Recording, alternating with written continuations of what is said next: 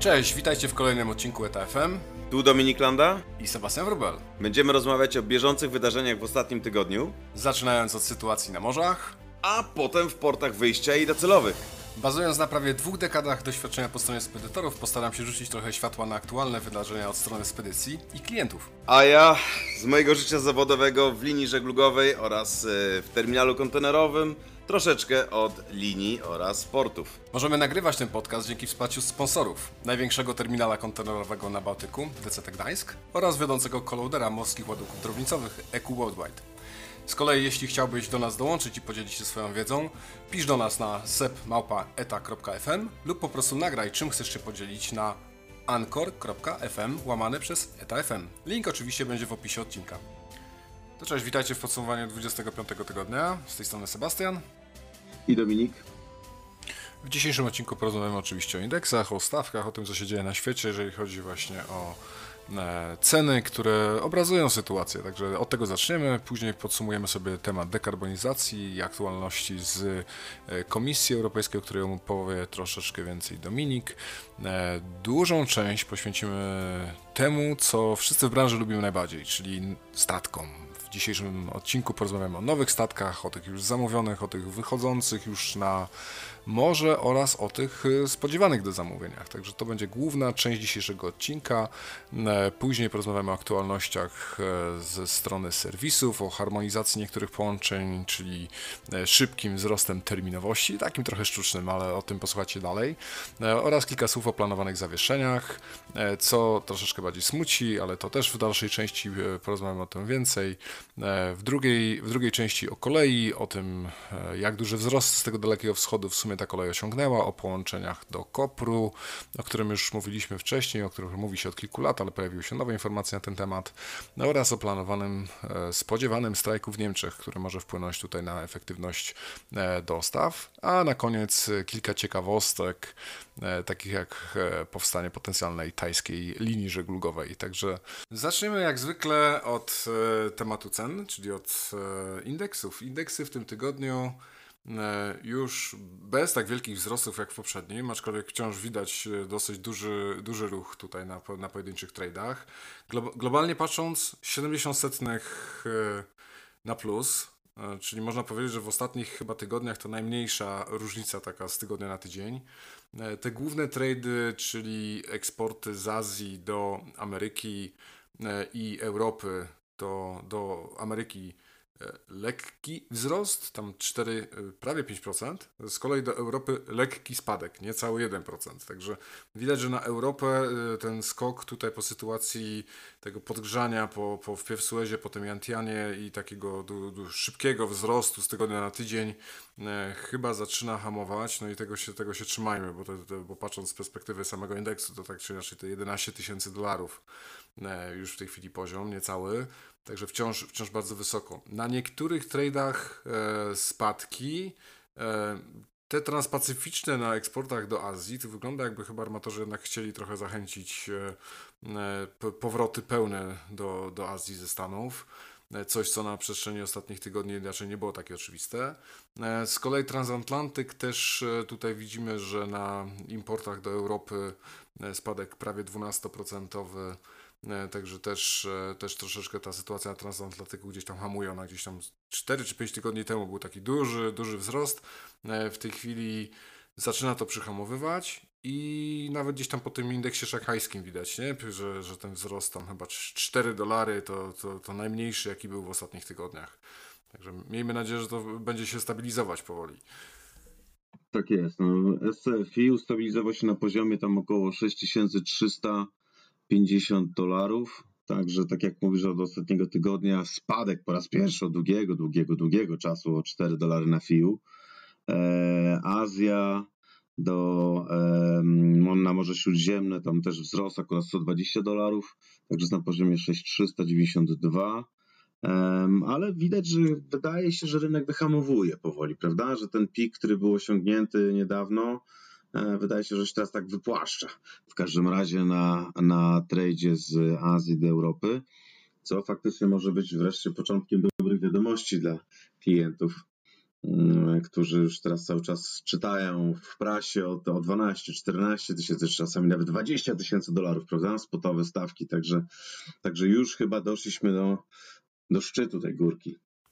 No na pewno te sytuacje tutaj o, o, o przywróceniu tej operatywności Vientian e, też e, mają tutaj wpływ na to, bo jednak wszyscy spodziewają się, że, e, że sam terminal wróci do, no ustabilizuje się zupełnie i, i, i będzie mógł operować, tym samym też zawiną te wszystkie statki, które, które do tej pory wciąż go mijają, także to na pewno ma, ma wpływ, aczkolwiek przed nami wciąż ten pik świąteczny, nie? Także tutaj ilość towaru na pewno nie będzie maleć. E, i zob- i zobaczymy, co tutaj kolejne tygodnie przyniosą, bo myślę, że jakakolwiek zła informacja e, z rynku może skutkować tym, że będą kolejne wzrosty. Także e, trzymajmy kciuki, żeby jednak ten przegrzany organizm, jakim jest ten e, globalna sieć połączeń morskich, jednak nie uległa żadnej awarii. Ryzyko jest stosunkowo duże, bym powiedział. Gdzieś tam ostatnio z Peterem właśnie Sandem w tym angielskim odcinku rozmawiałem odnośnie tego. No i niestety nakładają się te. To zmęczenie, te, te brak zmian, ten, to, ta gonitwa za tym, żeby nadrobić i, i, i ogólnie czas, brak czasu na po, porządny serwis e, e, wszystkich urządzeń, które są gdzieś tam zaangażowane w, w przewozy, także e, to się wszystko nakłada i póki co będziemy musieli z tym żyć, bo, bo, bo czas, żeby to się ustabilizowało tak naprawdę, to, to pewnie przed nowym rokiem nie, nie będzie chwili na to. Mhm. Tak, no na szczęście Vientiane, tak jak już e, wspomniałeś, sytuacja powoli, e, powoli powraca do normy. E, Od 24 czerwca wszystkie nabrzeża pracują normalnie, także statki zaczynają wracać. Zresztą mieliśmy kilka informacji o, od różnych armatorów o tym, że uruchamiają dodatkowe serwisy, prawda, jakieś tam ekstra loadery z Vientiane e, do Europy. Mm, O ile dobrze pamiętam, był też Hapag-Lloyd, było ONE, e, Evergreen chyba też taki wypuścił 5,5 tysiąca TU statek. Także sytuacja się normalizuje, natomiast mm, nie wiem, e, nie wiem na ile to jest potwierdzona informacja, ale o ile powiedzmy tutaj sytuacja się poprawia, o tyle e, znowu e, e, Chiny atakuje ta choroba e, świń, bodajże to jest afrykańska, tak, afrykański pomór, czy afrykańska gorączka e, świń, także e, jak, e, jak wiemy, Chińczycy bardzo dużo spożywają wieprzowiny. Jeżeli e, tutaj e, ta epidemia się rozszerzy, no to znowu będzie większe ciśnienie na sprowadzanie z zagranicy, co może być dobre dla polskich eksporterów, e, natomiast na pewno też wprowadzi pewnego rodzaju tutaj chaos mm, do tego, do tego dosyć już skomplikowanego systemu. Miejmy nadzieję, że sytuacja się poprawi i świnie będą czuły się dobrze do czasu. Tak jest. Trzymamy za nie kciuki. Słuchaj, Dominik, ostatnio opowiadałeś o tej dekarbonizacji. To się chyba trochę więcej informacji pojawiło w, jeszcze w ciągu tego tygodnia, co? Bo obiecaliśmy słuchaczom, że do tego wrócimy. Tak jest. E, Wiesz co, czytałem podsumowanie e, z IMO, e, spotkania Marine Environment Protection Committee. E, To jest e, MEPC 76, czyli 76 spotkanie, e, na którym zostały podjęte działania, czy podsumowane działania, jeżeli chodzi o redukcję greenhouse gases, czyli głównie właśnie mówimy o, o dwutlenku węgla. I z tego, co, mm, z tego, co widziałem w podsumowaniu, pojawiło się tak. Energy Efficiency Existing Ship Index. To jest indeks, e, czy powiedzmy e, rating statków pływających, wszystkich tych, które e, już są, e, ale również i tych, które będą wchodziły do serwisów. Mm, Będą, e, e, będą one oceniane pod kątem e, efektywności energetycznej, trochę tak jak lodówki czy, czy pralki, powiedzmy w Media, Media Expercie czy w jakimś tam innym sklepie e, i będą tutaj e, e, mogły uzyskać ocenę od A najlepszej do E. E, I teraz e, oczywiście będzie duży nacisk na to, żeby większość jednostek, większość floty była A i B.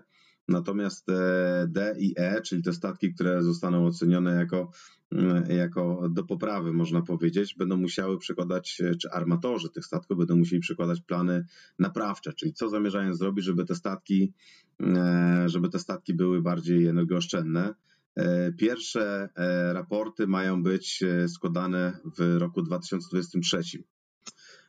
Także to jest pierwsze z postanowień. Drugie, trzyfazowy, trzyfazowy plan redukcji właśnie mm, gazów cieplarnianych o 40% do 2030 roku. Mówimy tu oczywiście o redukcji emisji całego shippingu, czyli głównie, głównie statków. Jest, jest to pierwsza rzecz. Mm, oczywiście są podjęte też działania o, o, o, tym, jak do tego dojść do roku 2023. Natomiast jedno z podstawowych działań, które miało być, czyli wprowadzenie podatku od emisji, od emisji właśnie tych gazów cieplarnianych z paliwa żeglugowego, na razie nie zostało uzgodnione. Także e, propozycja, jak pamiętasz, rozmawialiśmy mm, o tym bodajże szef Merska podnosił temat, że powinien być taki podatek i on powinien być e, e, dużo wyższy dla, dla właśnie dla statków, które emitują dużo i spalają paliwa e, tego zwykłego, nie żadnego paliwa powiedzmy uznanego jako green. Tutaj ta propozycja na razie nie przeszła. I ciekawa sprawa mm, o tym, że nie będzie można używać ciężkiego paliwa przy przejściu przez wody Arktyki. E, od 1 lipca 2024 roku. Czyli można powiedzieć, że te działania również e, po pierwsze mają za zadanie chronić wody Arktyki, ale równocześnie też najprawdopodobniej ten, ta północna droga, która była swego czasu lansowana przez e, Federację Rosyjską, i nawet było kilka statków, które tam przeszły z lodołamaczami, wydaje się być jeszcze bardziej utrudnione, prawda? No bo będziesz musiał używać tylko i wyłącznie paliwa lekkiego, które jest dużo droższe. Nie wiem też o kosztach, e, kosztach lodołamaczy i tak dalej. Wydaje się, że ta perspektywa się troszeczkę oddala. E, znowu Unia, znaczy Komisja Europejska ma złożyć 14 lipca też tak zwany EU Green Deal Project, czyli to jest ustawa, która ma wprowadzić właśnie obligatoryjnie mm, pewnego rodzaju regulacje które e, wiążą się z e, dostosowaniem e, właśnie mm, shippingu generalnie w Unii Europejskiej, ale nie tylko, bo też dotyczą wszystkich statków, które wchodzą, wchodzą do portów Unii Europejskiej, do tych celów, które adaptowała Komisja Europejska, jak również ma to być powiązane z IMO, o którym mówiliśmy przed chwilą. Także pojawia się tutaj dosyć ciekawy, ciekawy mm, cel, Unii Europejskiej. Mówimy tutaj o redukcji emisji CO2 o 55% do 2030 roku e, i osiągnięcie neutralności, można powiedzieć, w emisjach w 2050 roku. Także to właśnie z tego wynika, że segment transportu musiałby uzyskać 90% redukcję E, głównie CO2 do 2050 roku, zgodnie z planami Unii Europejskiej. Natomiast nie wszyscy są z tego zadowoleni, z tych propozycji. Oczywiście już wyciekła e, e, wyciekł plan, czy powiedzmy draft tego dokumentu, został już na, na bieżąco skomentowany przez wiele, przez wiele osób. Nie do końca podoba się to, że na przykład Unia Europejska w dalszym ciągu nie określiła jasno, że przyszłością są paliwa zielone, czyli nie paliwa kopalne takie, dajmy na to jak LNG. E, I tutaj oczywiście mamy kilka rodzajów LNG, mówimy LNG szarym, mówimy LNG niebieskim i tak dalej, tak dalej, czyli e, e, te, które są pozyskiwane w różnych procesach. Mm, natomiast Natomiast generalnie sytuacja jest taka, że Unia nie powiedziała, że LNG nie jest tym paliwem, które, które powinno być w dłuższej mierze stosowane. E, OECD, e, czy, czy Bank Światowy, czy nawet ostatnio tacy shipperzy, czy przepraszam, klienci jak IKEA e, mówili o tym, że LNG to nie jest rozwiązanie w długim okresie. No ale akurat to nie zostało zaadoptowane przez e, Komisję Europejską. Może też z uwagi na to, że bardzo dużo armatorów w tej chwili takie statki wypuszcza, prawda? No, rozmawialiśmy o tym, że następuje konwersja jednostek pływających, to chyba Hapak miał też e, ostatnio, um, ale też i nowe jednostki zamawiane, CMA CGM jako grupa, przecież bardzo mocno wszedł w LNG, prawda? E, MSC też zamówiło, także wydaje się, że tutaj jest bardzo dużo kompromisów, o których, o których e, pewnie Komisja Europejska nie będzie mówiła głośno, ale mm, no nie wszyscy są zadowoleni. I zobaczymy, jak będzie wyglądał finalny dokument 14 lipca. No, do 2050, gdzie jeżeli mówimy o tej y, uzyskaniu neutralności, to oczywiście mamy przed sobą jeszcze 30 lat, także te jednostki, które w tej chwili wychodzą, nawet są zamawiane, e, raczej ciężko się spodziewać, żeby miały już być dostosowane w jakikolwiek sposób do tych przepisów.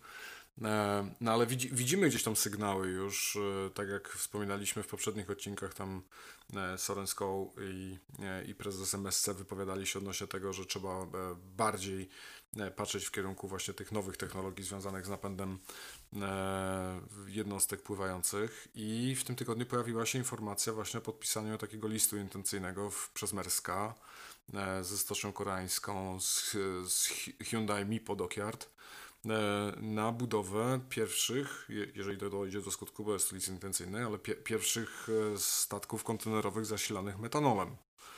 E, I to jest ciekawa informacja, bo metanol już w tym momencie nie jest e, paliwem kopalnym. Nie? To, to powstaje tak naprawdę gdzieś tam z procesów chemicznych, drewna, innych e, prze, prze, prze, przetwórstwa tak naprawdę takiego jak alkohol, bo metanol jest alkoholem, więc, więc to już odchodzimy w tym momencie od tych paliw kopalnych i co prawda nie jest to wielka jednostka, bo mówimy tutaj o jednostce 3,5 tysiąca TU, E, ale widać, że jest to gdzieś krok w tym kierunku, o którym było ostatnio słychać e, właśnie od, e, od tych dwóch największych armatorów, także to chyba dobra informacja. Tak, wydaje mi się, że dobra. No postęp, postęp wymaga, że tak powiem, tej śmiałych decyzji.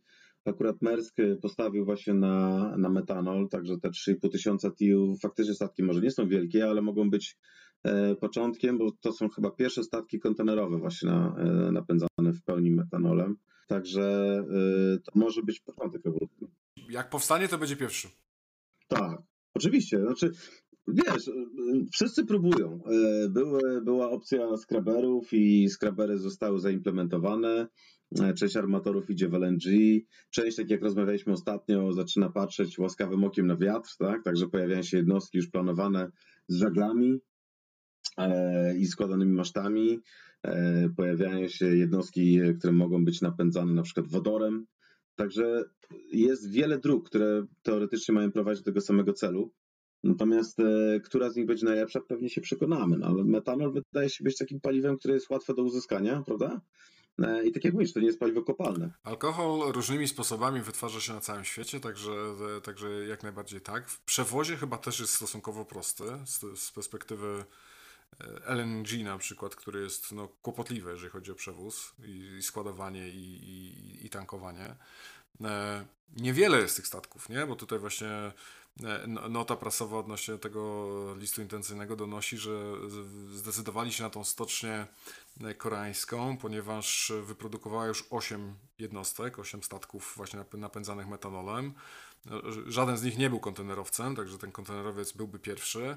E, ale te 8 statków to jest 40% e, w ogóle tych wszystkich na świecie, które do tej pory powstały, nie? Także ich tam nawet 20 jeszcze nie ma, e, jeżeli chodzi o tą, o tą formę właśnie napędu.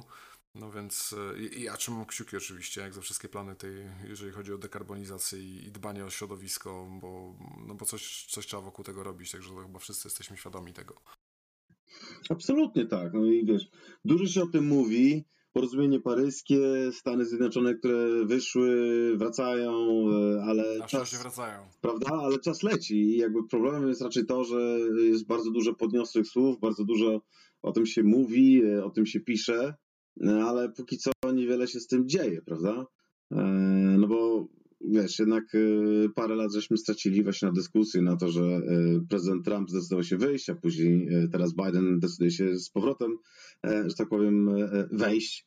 E, a Unia Europejska robi dużo, moim zdaniem, w stosunku do, do pozostałych, do pozostałych, powiedzmy tutaj, czy krajów, czy, czy, czy, czy, czy takich tworów gospodarczo-politycznych.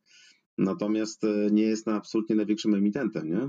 Także dopóki właśnie Chiny, dopóki Stany Zjednoczone, dopóki te wielkie gospodarki rozwijające się Indie, cała reszta, dopóki one do tego nie przystąpią, to efekt y, globalnie nie będzie spektakularny, prawda? A shipping jest jedną z tych rzeczy, która łączy wszystkie te, e, te kraje i te regiony, więc e, im więcej zrobimy w żegludze i w ogóle w naszej, w naszej działce transportu, tym lepiej. Zawsze możemy coś zrobić dla planety. Tak jest. No, z, z, pe- z perspektywy samej floty to oczywiście nie mówimy tylko o, o zamówieniu, czy tą liścią te- intencyjnym Merska, bo też pojawiły się nowe zamówienia. E, Ha- Hapak w sumie podwoił swój order book o, kolejne 6 e, 23,5 tysięczniki. Nie mówimy tu oczywiście o metanolu, ale mówimy tu o LNG, także no też e, patrząc z perspektywy e, powiedzmy tych e, wcześniejszych napędów e, ciężkim bunkrem, no to też, też jest to postęp na pewno do przodu. E, I pojawiają się też informacje odnośnie e, Evergreena, o, o też e, kolejnych sześciu jednostkach e, 23-tysięcznych. E, OCL też 6, e, w sumie bardzo podobny rozmiar, bo też 23 tysiące. E, W tym aliansie 2M, czyli no, mówimy tu MSC, bo MSC ostatnio przyjął trochę inną strategię, też się pojawiły nowe zamówienia. Nie? 10, 10, 10 24 tysięcznych. Tak.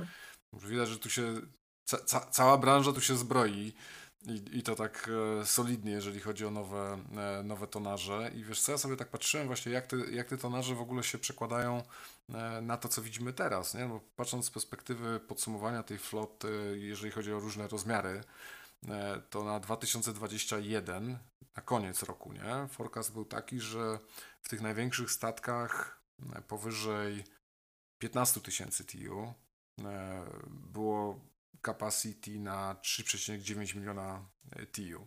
Forecast na koniec roku, nie? W tym momencie do, do 2023 mówimy już o 5,1. Czyli mi, milion TU dojdzie. Jak patrzymy na zamówienia, no to dokładnie tak to, tak to widać. E, 0,9 dokładnie na, na 2023, jeżeli chodzi o nowe, nowe jednostki. 0,9 przypada na te największe statki. Kolejne, 0, kolejne 0,9 miliona przypada na te powiedzmy średnie między 10 a 15.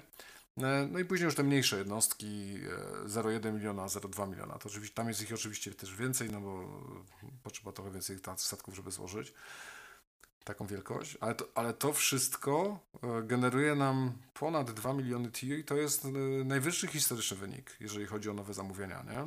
Nawet ten 2015, 2010 to było no, tak kurczę, z dobre 30% mniej, jeżeli chodzi o, o, o zamówienia tonażu, nie? Że to, to stworzy nową sytuację na rynku, mi się cały czas tak wydaje. Tak, to stwarza nową sytuację, wiesz, i z jednej strony y, paliwa LNG, które się pojawiają y, u tych armatorów, oczywiście możemy mówić, że to są paliwa kopalne i one są niedobre, ale w porównaniu do, do ciężkiego paliwa żeglugowego, to jest to olbrzymi krok naprzód, nie? E, I i jest redukcja jednak e, CO2. E, Te jednostki, które w tej chwili są zamawiane, tak jak już są bardzo duże, one oczywiście też mają odpowiednią, odpowiednią ekonomikę skali, można powiedzieć, tak, czy ekonomię skali. E, Czyli im więcej kontenerów taki statek bierze, tym e, jego emisyjność powiedzmy na, na tonę, czy tam na, na, na przewiezienie jednej tony na, na, jeden, na jeden kilometr, jedną milę morską jest dużo niższa niż w przypadku tych mniejszych i starszych jednostek, więc to też są takie działania, można powiedzieć, bardzo proekologiczne, prawda? E, Nie inne paliwo, to jeszcze statki są dużo większe, więc jeżeli one są większe, generalnie e, e, też, też emisja spada. No i też trzeba przyznać, że wiesz, armatorzy teraz mają po prostu pieniądze na inwestycje, czego do tej pory nie mieli, bo ten rok zeszły był rekordowy. Ten rok, właśnie ten pierwszy kwartał też był rekordowy i zdaje się, że drugi też będzie rekordowy, więc mają potężne pieniądze na to, żeby zamawiać flotę, żeby wymieniać te starsze, nieefektywne jednostki. W tej chwili tego nie robią, bo każdy statek jest w cenie. No ale pewnie za jakiś czas, e, najpóźniej w przeciągu dwóch lat, sytuacja się zmieni i okaże się, że, że te stare jednostki można będzie spokojnie, tak powiem, już oddać e, i wziąć te największe, najnowsze, najbardziej ekonomiczne. E, Czyli armatorzy też się przygotowują na, na inne czasy. Wiesz co, ja, ja tak, się, tak się zdziwiłem, bo w tym ty, tak, też pojawił się taki fajny graf, który zawsze bardzo lubiłem. Na, na koniec miesiąca gdzieś Alpha Liner go wypuszcza w tym podsumowaniu miesiąca. I, I w nim można znaleźć sobie ten e, podział właśnie w, u każdego armatora, na jak we flocie wypadają różne tonaże. E, I powiem szczerze, tak e, troszkę mnie zdziwiło, udział procentowy właśnie Hyundai'a. Ja, jak, jaki jest udział procentowy Hyundai'a w, w Hyundai'u tych największych jednostek, bo on przypada na 35% i to jest największa wartość wśród wszystkich, nie? A nie, zapomi- a nie zapominajmy, że Hyundai y, od 10 lat y, głęboko pod wodą e, i to tak pod wodą co roku tam wartościowo patrząc to ogromne pieniądze, bo tam chyba po, powyżej mniej niż 200 milionów dolarów straty to chyba tam miał w pojedynczym roku, a tak to zawsze e, 300, 600, 500 milionów e, rocznie straty. Przyjęli sobie plan restrukturyzacji pięcioletni 3 lata temu. I powiem szczerze, że tak sobie pi- pierwsza moja myśl była taka, ale oni mają solidnego farta. Z tą sytuacją na rynku, co jest teraz, nie? że ten plan to sobie mogli przyjąć, ale o ile trudniejszy on byłby w realizacji, e, gdyby, e, gdyby nie ten rok, gdyby nie te stawki, które są w tej chwili, nie? No, bo teraz, będzie się mówić oczywiście o najprawdopodobniej o dużym sukcesie, jeżeli chodzi o właśnie przyjęcie tego planu restrukturyzacji, zainwestowania w nową flotę i w ogóle. No, ale bez, bez tej pandemii to, to, to nie wiem, czy to miałoby szansę tak się skończyć. Także e, no, tu du, naprawdę, du, naprawdę dużo szczęścia pod tym względem. A, a, to, a co je, jeszcze jeden graf moje, moją uwagę zwrócił, oczywiście coś, co pewnie wszyscy gdzieś tam czuliśmy e, po kościach, że, że to tak się prze, będzie przedstawiać, e, ale tak przy, przysłowiowe cięcie na żyletki tych starszych jednostek, nie? Gdzieś tam wi, widać, że e, ten 2021, e, który mamy, e, to praktycznie pojedyncze chyba sztuki w ogóle poszły i to tylko najstarsze, bo wiek, wiek powyżej 30 lat i no, i no i ten słupek tu le, ledwo, ledwo wystaje w ogóle, nie? Już nawet ten 2020 w zeszłym roku, e, jednak dzięki temu, że, że ten rynek gdzieś tam się rozkręcił dopiero na pod koniec, e, wygląda w sumie tak samo jak 2019. Troszeczkę starsze jednostki, ale tam gdzieś koło 20 paru lat, a, ten, a, a w tej chwili to widać tą przepaść, że po prostu wszystko, co się da jeszcze naprawić, jeszcze może płynąć, to płynie. Tak, no w zeszłym roku y, zdaje się 200 tysięcy TIU zostało zeskrapowane, nie? I tak jak mówisz, wiek średni to było 20 parę lat i ta tendencja utrzymywała się mniej więcej też w 2019 roku, w 2018 było połowa, czyli około 100 tysięcy, natomiast w tym rekordowym roku 2016 w czasie kryzysu też e, shippingowego to mieliśmy grubo ponad 600 tysięcy TIU i wiek jednostek spadł poniżej 20 lat. Czyli właściwie statki, które w pełni są jeszcze sprawne, oczywiście przy założeniu, że są utrzymywane, e, już były skrapowane, bo tej kapacity było po prostu za dużo. I zastanawiam się, słuchaj, czy za dwa lata nie będzie podobnej sytuacji.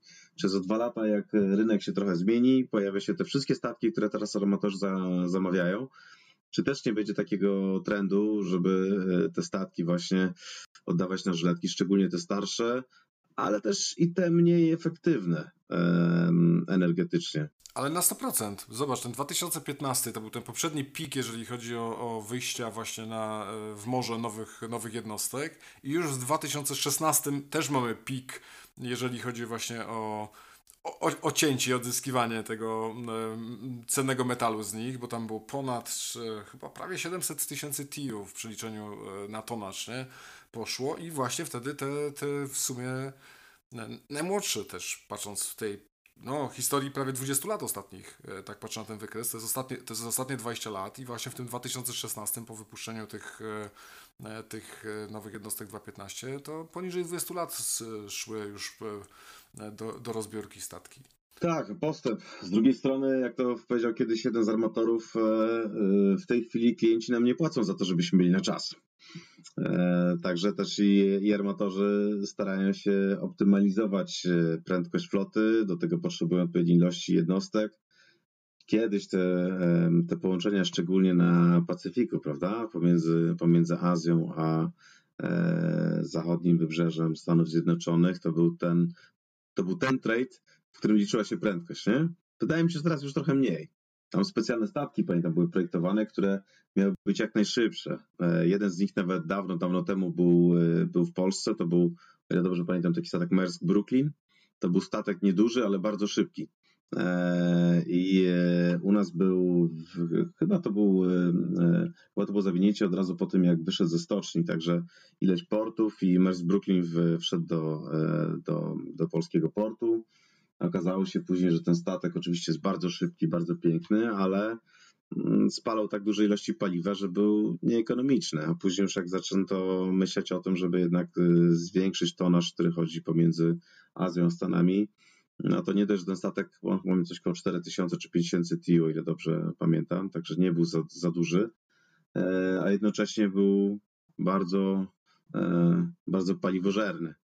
No i, e, i widzisz, mimo tego, że statek był nowy, fajny i super, to, to sukcesu nie odniósł wielkiego, no bo po prostu był zbyt nieekonomiczny w utrzymaniu. No i teraz wszystkie te statki są takie wielkie, nie?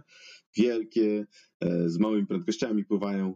No wiesz co, ja pamiętam e, też, nie wiem, 2.12, coś koło tego, jak już wychodziła właśnie ta nowa flota du dużych jednostek i wtedy Hanjin zaczął gdzieś mocno od odstawać właśnie wielkością statków. I pamiętam też na Transpacyfiku się mówiło, że Hanjin daje ten, ten fast steaming, a, a te wszystkie nowe dają low steaming i jeżeli ktoś komuś zależy na czasie, to ma tą opcję premium w postaci Hanjina. No, no jednak historia zweryfikowała, nie? I, i jednak większości klientów. W tym łańcuchu dostaw jednak te kilka dni da się zaplanować i niekoniecznie chcieć do tego dopłacać. E, taki bym wysunął wniosek z perspektywy lat, no bo oczywiście Hanjina już nie ma z nami, e, co, co było dosyć głośnym e, tematem w momencie, gdy upadał, bo, bo tego się nikt nie spodziewał wtedy, że armator może upaść. Tak. Powiem szczerze, to było duże zaskoczenie dla wszystkich. Ja to pamiętam, jakby Oj, to tak. było wczoraj, jakie to było zdziwienie, nie? No, ale pamiętasz, jakie, jaki to. Wiesz, niby to nie był największy armator może, ale jakie to spowodowało reperkusje, prawda? E, wiesz, jak mieliśmy sytuację, w której e, jakiś tam procent, no bo to, to, to nie był duży armator, to był znaczący, ale nie największy. I jak te kontenery e, nagle okazało się, że zostały w portach, na statkach, e, klienci nie mogli się doczekać tego, co właściwie miało do nich spłynąć, nie? E, to spowodowało, że, e, że jakby cały łańcuch logistyczny też się zachwiał tylko dlatego, że mieliśmy jednego armatora, który, który się wyłożył. I wydaje mi się, że i linie żeglugowe, i rządy e, wyciągnęły z tego lekcję, bo zobacz, od tej pory Hyundai dostał bardzo, bardzo solidne finansowanie, za które mógł kupić te najnowsze statki, co też pomogło stoczniom koreańskim w walce ze stoczniami chińskimi, także koreański rząd bardzo sprytnie e, dofinansował armatora, także, także tutaj Szapoba i jednocześnie wydał pieniądze we własnych stoczniach po to, żeby zrobić bardzo nowoczesne, bardzo konkurencyjne statki. No i można powiedzieć super. No oczywiście część armatorów patrzyła na to troszeczkę jak na taką pomoc publiczną i dlaczego, e, dlaczego e, tak to nie działa powiedzmy w Unii Europejskiej, no ale de facto też otrzymują w różnej, w różnej formie w gorszych czasach e, pomoc państwową. Na pewno przyniosło to spodziewany skutek, nie? bo jak popatrzymy na dzisiaj, to, to tych stoczni chińskich oczywiście jest, jest dużo więcej, ale jak się popatrzy na tonaże, które schodzą właśnie gdzieś tam E, z Hyundai'a, Samsunga e, w Korei, to, to, to, to są największe wartości, nie? Rok w rok, jeżeli chodzi o wodowanie, także, także na pewno to się udało. A, a Hanjin w ogóle był większy od Hyundai'a, to, była najwie, to był największy armator południowo, południowo-koreański, nie? Także to, także to, to lo, lokalnie w Korei to podejrzewam, że to była pewnie informacja taka, wiesz, dekady Zwłaszcza, że tam raczej tej, tej wielkości film to raczej chyba nie, nie umiera zbyt wiele e, no. na przestrzeni lat. Patrząc z perspektywy tego, gdzie jest przemysł koreański, czym się zajmują, jakie prosperity, jakie gdzieś tam przychody przynoszą, przynosi większość tych film koreańskich, to to, to był na pewno e, miażdżąca informacja, tak w ogóle z perspektywy ich e, gospodarki, nie? No, na pewno. Szczególnie, że tak jak mówisz, to był to był fajny, e, fajny armator, który e, miał troszeczkę inny serwis niż, e, niż reszta, prawda? I jednak obsługiwał bardzo szybko rosnącą gospodarkę, no bo, bo jednak Core był, był właśnie i w Stanach, ale jednocześnie w Korei. Koreańscy klienci, w tej chwili bardzo prężnie działające firmy, no, które, o które walczą armatorzy całego świata, no? żeby, żeby przewozić duże wolumeny dobrze zorganizowani, więc no szkoda, ale z drugiej strony dużo to nauczyło rynek. Moim zdaniem, wiesz co, y, to była konieczna strata, bo do tej pory nie było takiego sygnału ostrzegawczego, co by było gdyby, prawda? I okazało się, że na linie żeglugowe mogą upaść, co nikomu do tej pory do głowy nie przychodziło, mówię o globalnych liniach. Nie? Jednocześnie jak one upadną, to, to efekt jest odczuwalny przez wszystkich. Nie tylko przez akcjonariuszy danej linii, tylko przez klientów, przez cały rynek właściwie przez przypadek nam wyszło trochę przypomnienia dla, dla wszystkich, że, że to, co się dzieje w tej chwili na rynku, to, to tak zawsze nie wyglądało tak. i że naprawdę mieli bardzo chude lata armatorzy w ostatnim, w, w ostatnim tokadzie e, i, i to był efekt. E, wiesz co, z perspektywy e, samej floty, tu jeszcze pojawiają się kolejne te Max e, e, jak one się nazywają? Max... E, Thailand Max czy Bangkok Max? Maxi Bangkok Max, o właśnie. Są dwa Maxy. A, Maxi Bangkok Max. Mesk realizuje tę strategię właśnie tych regionalnych, wzmocnienia tych regionalnych e, przewozów. Wyszły w tym tygodniu dwa e, w morze, bo wyszedł e, Nordborg i Norddal. I chyba obydwa, ale już na pewno jeden, gdzieś tam zasili tą flotę e, Intra-Asia w, w grupie Meska. Stąd, stąd nazwa. Max, Max Bangkok. Ale to jest. Y, w ogóle jak patrzę, bo też fajna, fajna ilustracja z tego statku, taki bardzo fajny, foremny statek, nie? Taki, taki wiesz, taki zbity, 170 metrów, e, 2200 TU, czyli w sumie niewiele, ale z perspektywy właśnie tych regionalnych przewozów to, e, to wciąż na pewno więcej niż to, co pływało gdzieś tam wcześniej, więc, więc wzmocni na pewno te przewozy regionalne. No i on sobie będzie pływać między Tajwanem, południowymi Chinami, Wietnam, Brunea, Myanmar, aż do Singapuru i Tanjung mm -hmm. nie? Także tutaj strategia realizowana przez Męska widać, że cały czas jest, jest w toku. Zupełnie inna, bo jak się popatrzy też na te grafy, to coś, co mnie w sumie zdziwiło, tak nawet nie, nie TU, ale już nawet ilościowo, nie? Że, że w tym roku e, CMA, CG, CGM będą więcej w, w statków we flocie od Merska. Tak. I to jest, i to jest powiem Ci coś, na co nie zwróciłem uwagi wcześniej. No, ale, ale bardzo szybko to się zmienia, prawda? O ile kiedyś to było dosyć e, klarowne i długotrwałe, jeżeli chodzi o sam proces, to teraz są bardzo duże zmiany, bardzo e, MSC ostatnio tak samo, wiesz, bierze mnóstwo statków, które są dostępne, czarteruje, wszyscy właściwie robią to samo. Mers nie zamówił tych dużych jednostek i właśnie to jest ciekawe. A odnośnie tych Bangkok Max, Max Bangkok Max, to są bardzo zbliżone statki do V-Class, które Mersk wypuścił parę lat temu i które pływają po Bałtyku które z założenia mają być statkami właśnie bardzo kompaktowymi, z dużą ilością, e, e, można powiedzieć, kontenerów, które są upchane na pokładzie, bo one mają bodajże 3600 TU i e, mogą obsługiwać większość portów na Bałtyku. Mm, różnica też jest taka, że o ile te Max i Bangkok Max mają dźwigi na pokładzie, o tyle E, V-klasy nie mają z tego względu, że oczywiście u nas porty są przygotowane do obsługi i nie potrzebują mieć pomocy e, sprzętu statkowego. Mm, natomiast bardzo zbliżony design. E, prosty, prosty wiesz, dziób, bardzo takie szerokie, zbite, tak jak, tak jak wspomniałeś, jednostki. Wydaje się, że to jest przyszłość właśnie takich fiterów, czyli może niezbyt urodziwe, ale za to robotę robią. Ciekawe, że wspominasz o tych dźwigach, bo już kilka razy widziałem właśnie zdjęcia niektórych tych jednostek z tymi dźwigami.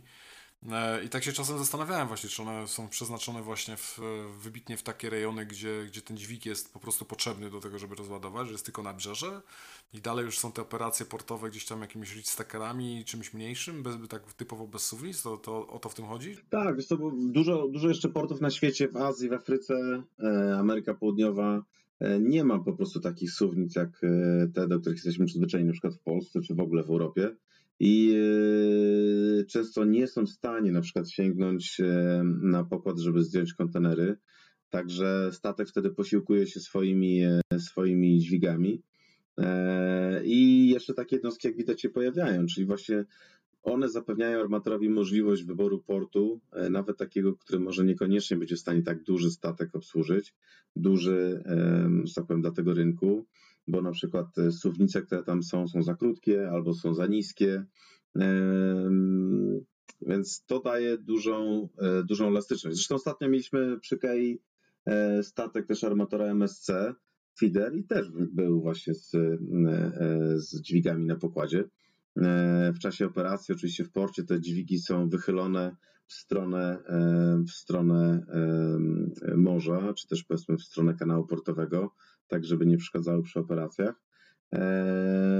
Więc widzisz, nawet, nawet na Bałtyku takie jednostki są i mają się dobrze. I jest to całkiem fajny, całkiem fajny nowy statek. Także to Armator powiedzmy może wziąć tego Bangkok Maxa i go wysłać na przykład do Europy. Oczywiście tutaj mówimy też o klasie lodowej, więc pytanie, czy on klasę lodową ma, raczej nie ma, bo, bo, bo nie miałoby to wielkiego sensu na tym rynku. E, ale poza tym można go wstać i do Afryki, i Azja, i wszędzie właściwie, gdzie może być taka potrzeba. Także jest to bardzo, bardzo kompaktowa, fajna jednostka. No to tak, mówisz, że one są podobne do tych V-Class, no to na, na pojemności trochę tracą przez te, przez te dźwigi jednak, nie? Bo tu mówimy 2300 versus 3600 to... Co? Wymiar jest inny. E, V-klasy po prostu są większe. One są większe, ponieważ porty w, na Bałtyku są w stanie obsługiwać i przyjmować bez problemu większe jednostki. Także V-klasa jest dłuższa od tych statków i troszeczkę szersza. E, natomiast e, suwnice, wiesz co, no, są zbędne tutaj. Także jeżeli armator nie chce tego wykorzystywać, to na przykład klasa lodowa jest niezbędna na Bałtyku, tak żeby można było chodzić do Sankt Petersburga i w ogóle rejony Finlandii i Rosji w zimie, no często jednak klasa lodowa się przydaje i jest wymagana. Także, mm, także tutaj jest akurat ten element. E, nie jest on często spotykany na świecie, więc e, dużo jednostek e, fiderowych, które mają klasę lodową, jest później wykorzystywanych właśnie głównie tutaj. Bo klasa lodowa znaczy, że one mają troszeczkę inną konstrukcję, są troszeczkę cięższe przez te wzmocnienia i jakby są mniej ekonomicznie opłacalne na ciepłe, na ciepłe wody, takie jak powiedzmy Tajlandia, no bo ten statek jest troszeczkę większy, jest, e, e, jest cięższy. Nie ma to sensu po prostu. Chyba mało przydatna wartość by była odporność właśnie na, na, na lód gdzieś tam w Azji Południowo-Wschodniej. Raczej. W, serwisach też się takie ciekawe rzeczy gdzie, gdzieś tam dzieją. E, czytałem o Costco z ocelem, że odpalił eksporty z Azji na wschodnie wybrzeże do Stanów przez Suez. E, to, to, już to już kilka lat temu słyszeliśmy o tych zabiegach, zwłaszcza wtedy jak kanał sueski zrobił się dużo tańszy, e, co powiedzmy, teraz, już jest droższy, bo pamiętam, że gdzieś tam tuż przed, e, tuż przed tym incydentem w Suezie, chyba to był już marzec albo jeszcze luty, właśnie padła informacja, że, że, że kanał sueski podniósł E, gdzieś tam ceny, jeżeli chodzi o przejście przez kanał. Oczywiście ma to się nijak do aktualnych cen frachtu, prawda? Także e, to na pewno nie jest żadna przeszkoda, ale, e, ale widać, że tu się pojawia taki ciekawy ciekawe połączenie. Oczywiście przez Pireus. No. Jako, to, jako to europejskie zagłębie Costco, takie najbardziej znane w ostatnich, w ostatnich latach. I również z Pireusu gdzieś tam czytałem, że do Wenecji chyba uruchamiałem właśnie takie połączenie e, feederowe, którego gdzieś tam brakowało, także przez, przez Pireus do tego e, do Włoch e, też będzie Costco operowało w tym momencie przez e, właśnie poprzez Pireus. Hmm. No widzisz, to, to też ma pewnie związek z cenami bunkru i paliwa żeglugowego generalnie, czyli teraz e, kanał Suezki zaczyna być interesujący, e, bo paliwo idzie do góry, to raz. No i dwa, masz, tak jak mówisz, możliwość połączenia jeszcze w Pireusie, także możesz zostawić pewne, e, pewną część ładunku, e, wziąć ewentualnie następną i połączyć to z, ze Stanami. Także jest to ciekawy ruch. Zobaczymy, jak się będzie rozwijał serwis. No, nie, nie patrzyłem, bo chyba jeszcze tej informacji gdzieś tam nie ma, ale na przykład to połączenie Pireus-Nowy Jork, no bo takie jest, e, takie jest połączenie, no, no też powinno być całkiem szybkie z perspektywy gdzieś tego po e, basenu Morza e, Śródziemnego. Także mhm. Na, nie, nie sądzę, żeby mieli problemy z wypełnieniem tego połączenia w, w, aktualnej sytuacji, gdzie jest na pewno większy popyt na rynku niż podaż. Też nie sądzę. Myślę, że myślę, że to się dobrze sprzeda. Jak ciepłe bułki. 2, 2M też dopuścił się tutaj E, jak, jakiegoś wyrównania połączeń. E, chyba jeżeli chodzi o przywrócenia większej e, terminowości, tak mi się wydaje, że to o to tu chodzi. Do, dotyczy też AE10 łamane na Silk w tak. nomenklaturze MSC, ale też szóstki i siódemki, czyli powiedzmy na całą Europę. No i właśnie mowa o tym, żeby te terminy wyjścia były bardziej zharmonizowane i, i no jednak miały miejsce wtedy, kiedy było planowane, z tego, z tego co czytam. No, czyli po prostu e, w- Vessel Voyage tak zwany został, e, został przywrócony do normy, czyli można powiedzieć, że e, zniknął, e, zniknął jeden, pojawił się drugi, czyli jest jakby opóźnienie e, tych serwisów e, w stosunku do harmonogramu i te statki, które teoretycznie są opóźnione z poprzedniego, mają już nowy numerek i są na czas. I dzie- dzięki temu będzie na czas. Tak jest. No to tak na papierze trochę będzie zmiana, ale, no, ale oby były na czas już te, które faktycznie wychodzą, bo to na pewno ten brak terminowości jest e, ogromnym problemem dla wielu, e, dla wielu firm przewożących swój towar po całym świecie w tej chwili. E, Również w 25 tygodniu, czyli w zeszłym, widzę, że The Alliance, czyli Hapak, Ha- Hyundai One i Yangming zawiesił połączenia do Rotterdamu, w sensie pom- pominął Rotterdam e, przez kolejne 7 tygodni. Nie? Czyli ta sytuacja w Rotterdamie gdzieś tam wciąż, e, e, wciąż jest bardzo e, trudna, e, żeby operować jednak e, terminowo statkami. No i tutaj taka decyzja właśnie z ich strony, żeby Rotterdam wypadł z serwisu e, Faris 4. Ciekawy ruch. Tak się zastanawiałem właśnie z czego on wynika. Czy z tego, że jest kongestia w Rotterdamie? No, e, mówi się od kilku tygodni, nie? że jest kongestia i w Rotterdamie, i w Hamburgu. Ten Hamburg gdzieś tam na Bremerhaven się też już zamienił e, w serwisach, z tego co pamiętam, 2M e, dłuższą chwilę temu.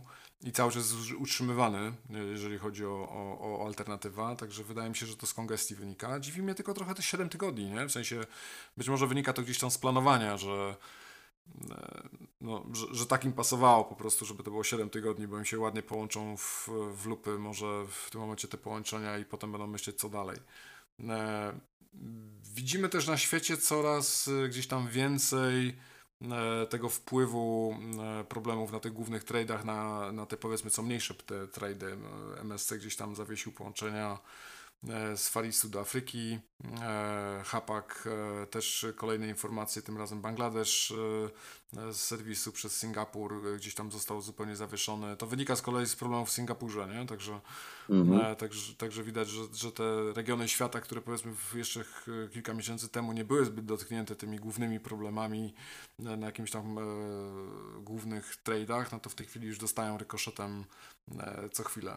No, niestety, i to jest to, o czym rozmawialiśmy ostatnio, że pojawiają się, o czym powiedzmy nie, nie, nie słyszymy głośno, ale jednak te problemy w obsłudze związane z COVID-em e, pojawiają się tu i tam. Nawet ciężko jest śledzić, e, śledzić w którym miejscu, prawda? Bo rozmawialiśmy ostatnio o Wietnamie i okazuje się, że właściwie żadnej informacji na ten temat oficjalnej nie udało się znaleźć. E, I nikt właściwie nam nic tak na dobrą sprawę nie potwierdził. Także Także niestety musi być na to przygotowani, że ten rok jest rokiem pełnym wyzwań i, i faktycznie mogą zaistnieć problemy w obsłudze czy w kongestii, o których nawet nie będziemy uprzedzeni, a mimo to będą miały wpływ na, na, na sailingi i na to, kiedy kontenery do Polski przypłyną, czy w ogóle do Europy i, i z powrotem. Na pewno nie jesteśmy już w sytuacji, w której możemy mówić o normalizacji e, całego łańcucha dostaw. To jeszcze jest przed nami. No, doszukałem się też jakichś e, liczb dotyczących e, e, transportu kolejowego, nie? Bo tak mówiliśmy już e, w, w kilku odcinkach, że, że ten fracht e, z Faristu gdzieś e, mocno w tej chwili zyskuje e, dzięki no, problemom na morzu. E, no, no i faktycznie gdzieś tam wzrosty na tej rosyjskiej kolei e, 70% wzrostu rok, rok do roku, nie? Także ogrom, ogromny wzrost, ale tylko dając jeszcze gdzieś tam porównanie do, e, do w, w skali, nie? Ja, o jakiej skali my mówimy, to, to już po tym wzroście mówimy o 292 tysiącach TIU. No to, dwie, no to dwie, 292 tysiące TIU, czyli takie powiedzmy około 300, no to to jest mniej więcej to, co było mm, e, e, z wielkimi problemami spowodowanymi przez kilka dni, dni problemów w, w Suezie. Tam 300 tysięcy TIU było Tak. w tym momencie zagrożone i to było praktycznie nawet nie cały tydzień, nie? Je- Jeżeli chodzi o fracht morski, a tu mówimy o, o, o rocznym e, obrocie w tym momencie już po, po wzroście prawie że razy dwa. E, Także skala tej kolei jest e, ta, tak mała w porównaniu do fraktu morskiego, że stanowi jakąś alternatywę dla czegoś, co musi być szybko, aczkolwiek to, to nie w żaden sposób nie jest w stanie zastąpić tego, co się dzieje na morzu, ani- ani pomóc tak naprawdę w, w rozwiązaniu tej sytuacji. Także Tak. Tu masz rację. No, nie ma alternatywy dla shippingu póki co. i nawet te zwiększone obroty na kolei, e, oczywiście one pomagają klientom i bardzo dobrze, są alternatywą, ale, ale tylko dla części ładunków. E, I e, też ostatnio gdzieś wyczytałem informację o tym, że jeden ze związków zawodowych kolei niemieckiej, związek zawodowy bodajże operatorów lokomotyw, GDL, powiedział o tym, że będzie, będzie przystępował najprawdopodobniej do akcji strajkowej. I jeżeli, jeżeli nic się nie zmieni, to znaczy nie dogadają się z kierownictwem spółki, to 9 sierpnia ma być przeprowadzone głosowanie. Jeżeli zostanie przyjęta opcja strajku, mogą być utrudnienia na, na kolei niemieckiej. Także z jednej strony na kolei dużo się dzieje, z drugiej strony też presja płacowa e, się pojawia i, i sytuacja też nie jest taka, e, taka różowa, można powiedzieć. Mm, u nas znowu trwają remonty infrastruktury, także wszędzie, wszędzie coś się dzieje. No wiesz co, te negocjacje tam z Deutsche Bahn i tak samo z Lufthansa, e, jako ta powiedzmy spółki Skarbu Państwa niemiecki, niemieckiego, to mam wrażenie, że co roku mają miejsce, nie? To, to wcale nie jest tak tak kolorowo pod tym względem. Ja pamiętam, wiesz, i, i że Lufthansa stała przez strajki, i że połączenia kolejowe stały, i to praktycznie, wyda, wydaje mi się, że co roku, bardzo często. Także teraz też wcale bym się nie zdziwił, no, jakby faktycznie to poskutkowało dopiero wtedy, gdy, gdy zawieszą. Nie wiem, czy tu można się spodziewać jakiejś długiej przerwy, nie? jeżeli chodzi o faktycznie ten strajk, bo to zazwyczaj mam wrażenie, że to są takie kilkudniowe strajki. Jakoś udaje mi się znaleźć porozumienie później, ale z zobaczymy. No wiesz, to jest potężny cios dla gospodarki, nie? Jakby tak stanęła kolej niemiecka największa w Europie, no. e, to, to są naprawdę duże straty. E, a jednak niemiecki przemysł zatrzymać się nie może. No nie. E, I tutaj e, myślę, że państwo niemieckie robi wszystko, żeby do tego strajku nie doszło. E, więc e, też spodziewałbym się raczej, że tej akcji nie będzie. Zresztą też trzymam kciuki, bo bo ile oczywiście konkurujemy my w Gdańsku, ale też i w Gdyni z portami niemieckimi, o tyle takie problemy są naszymi wspólnymi problemami. Mm, jeżeli cokolwiek się dzieje na świecie, widzisz Jantian na przykład, to niestety okazuje się, że wszyscy jesteśmy na tej samej łodzi. E, a im bardziej nią trzęsiemy, tym na dobrą sprawę to, to niewiele nam to, to pomaga. Także oby tutaj sytuacja się unormowała. No, to wiesz co, w tym ostatnim odcinku właśnie angielskim Peter też, e, też e, wspomniał odnośnie tego, że nie, nieważne kto, tak odnośnie tego bycia na jednej łodzi, nie? To tak mi się właśnie taka anegdota przypomniała, e, że nieważne kto zainwestuje w te nowe jednostki, czy to będzie MSC, czy to będzie ktokolwiek inny, jak będzie nadpodaż sprzętu, to i tak uderzy w cały rynek i to nie ma znaczenia, czy się czy się ten sprzęt miało, czy nie, bo po prostu zawiążą się nowe alianse e, i wszyscy będą w tym, na tej samej łodzi z powrotem. I to już widzieliśmy dwa razy. Tak jest. Że, e, tak. tak samo to działa.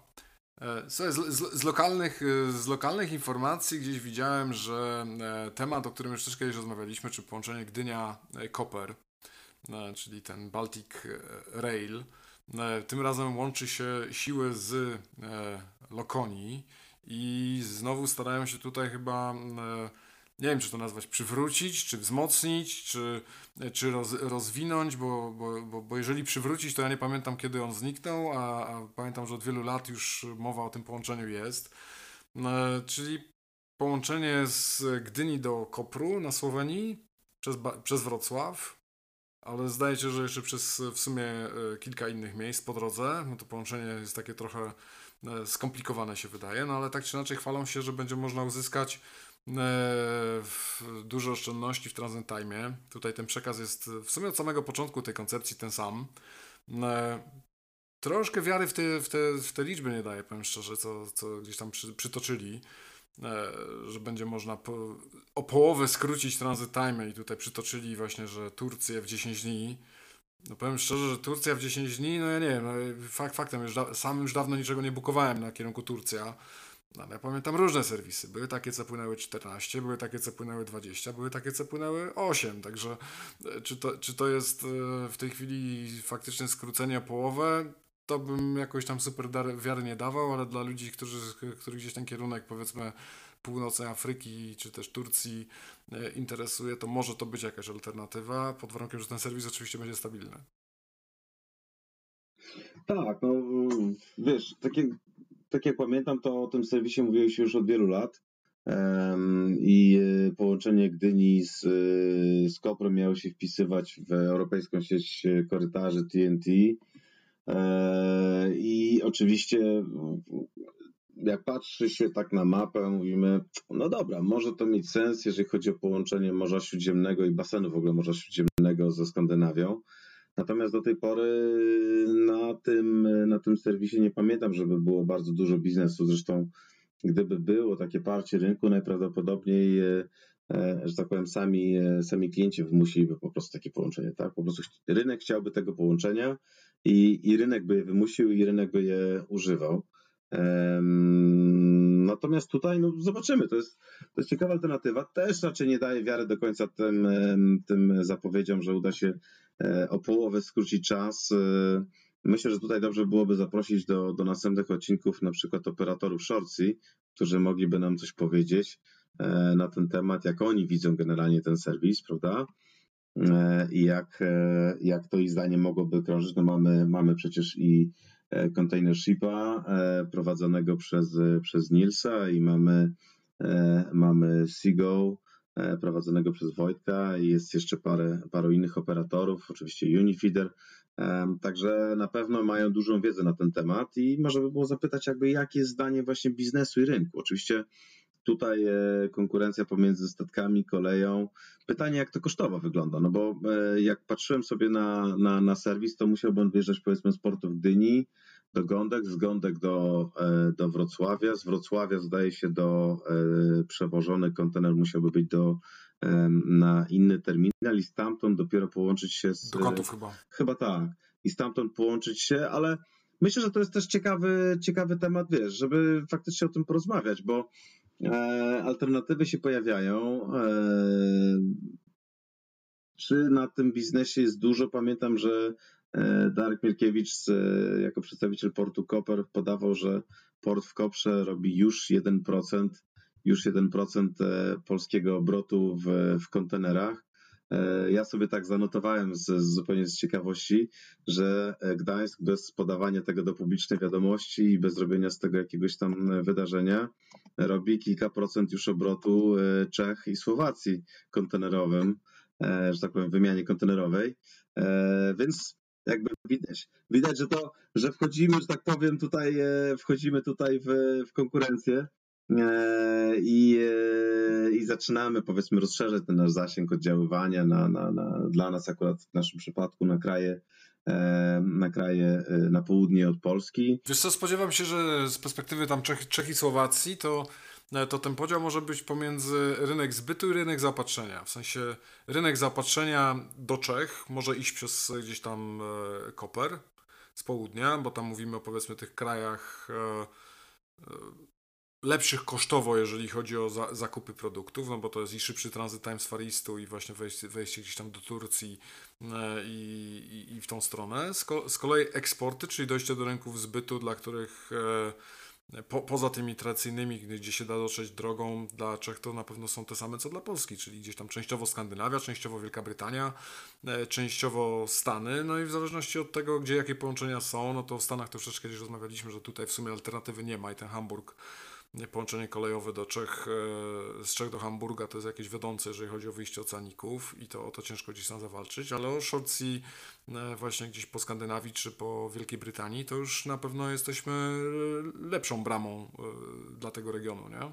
Myślę, że tak i pokładamy duże nadzieje, bo wiesz, my raczej polskie porty, Gdańsk, nie będziemy wiodącym, wiodącą bramą dla Czech i dla Słowacji z uwagi na to, że faktycznie Koper na przykład na Słowację czy na Węgry jest zdecydowanie bliżej i transit time, e, chociaż to też, e, też można się zdziwić, bo wydawało mi się, że ta różnica będzie bardzo duża, a ona wcale aż tak duża nie jest, ale jednak, jednak funkcjonuje. Na koniec dwie ciekawostki jeszcze widziałem.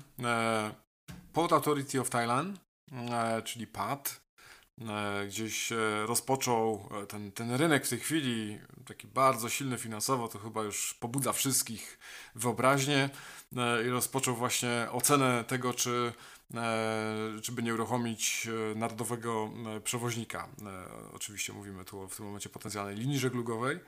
E, Co, co ciekawe, e, w 2011 w sumie po tam 70 latach operowania e, zamknęli Thai Maritime Navigation po tym jak e, rok w rok e, robili straty, nie? Także e, to taka, taka nowi- nowinka z Tajlandii. Wydaje mi się, że w formie właśnie głównie e, e, te, tego, jak ten rynek daje do wyobraźni w tej chwili, jakie to pieniądze mogłyby przynieść, e, nie, jakoś nie daje tutaj wiary do, w to, żeby e, ta analiza miała przynieść nagle faktycznie taki, e, taki efekt. Zdziwiłem się trochę, bo kilka razy rozmawialiśmy też o Zimie. Zim e, gdzieś tam po tym debiucie giełdowym cały czas zyskiwał na wartości, jeżeli chodzi o, o, e, o akcje i z naszej strony e, tutaj polskiej Zim takim jest przewoźnikiem powiedzmy trochę, trochę niedocenianym, bo to nie tu rozwija swoje skrzydła. Ale właśnie padła gdzieś tam nota też prasowa, że Zim przedłużył, podkreślam, przedłużył kontrakt z Alibabą. I, I to przedłużył na kolejne dwa lata, także, także widać, że ten Zim gdzieś tam sobie operuje. Jestem ciekaw w sumie, rzu- rzucę sobie okiem z ciekawości, e, czy taka e, informacja już przełożyła się też na, na ich notowania e, na giełdzie, ale zawsze mi się wydawało, że takie platformy jednak gdzieś tam dywersyf- dywersyfikują też ten biznes, że, że Zim jako jeden przewoźnik może tutaj nie być pojedynczym operatorem tego wolumenu.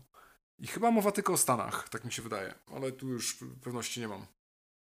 Też mi się tak wydaje, jest to ciekawa kooperacja.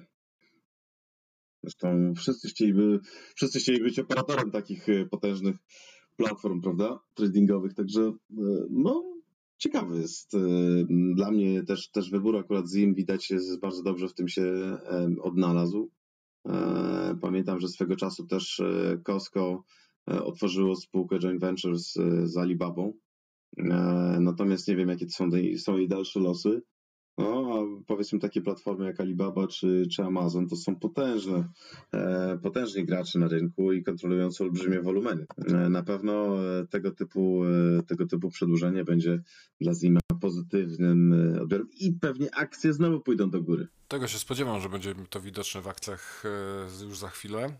A powiem Ci, że ciekawa rzecz jeszcze, bo dosłownie w tym tygodniu amerykański kongres znowu mocniej zaczął się przyglądać tym, temu monopolowi e, Amazona i zanosi się, że Amazon będzie zmuszony, żeby rozłączyć to swoje ramię logistyczne, e, które gdzieś tam wyrosło e, z usług e, fulfillmentowych dla, dla, dla dostawców e, sprzedających na platformie i będzie musiał rozłączyć to ramię logistyczne od głównego biznesu, bo jest tutaj duży nacisk od strony kongresu, także e, sytuacja rozwija się bardzo ciekawie.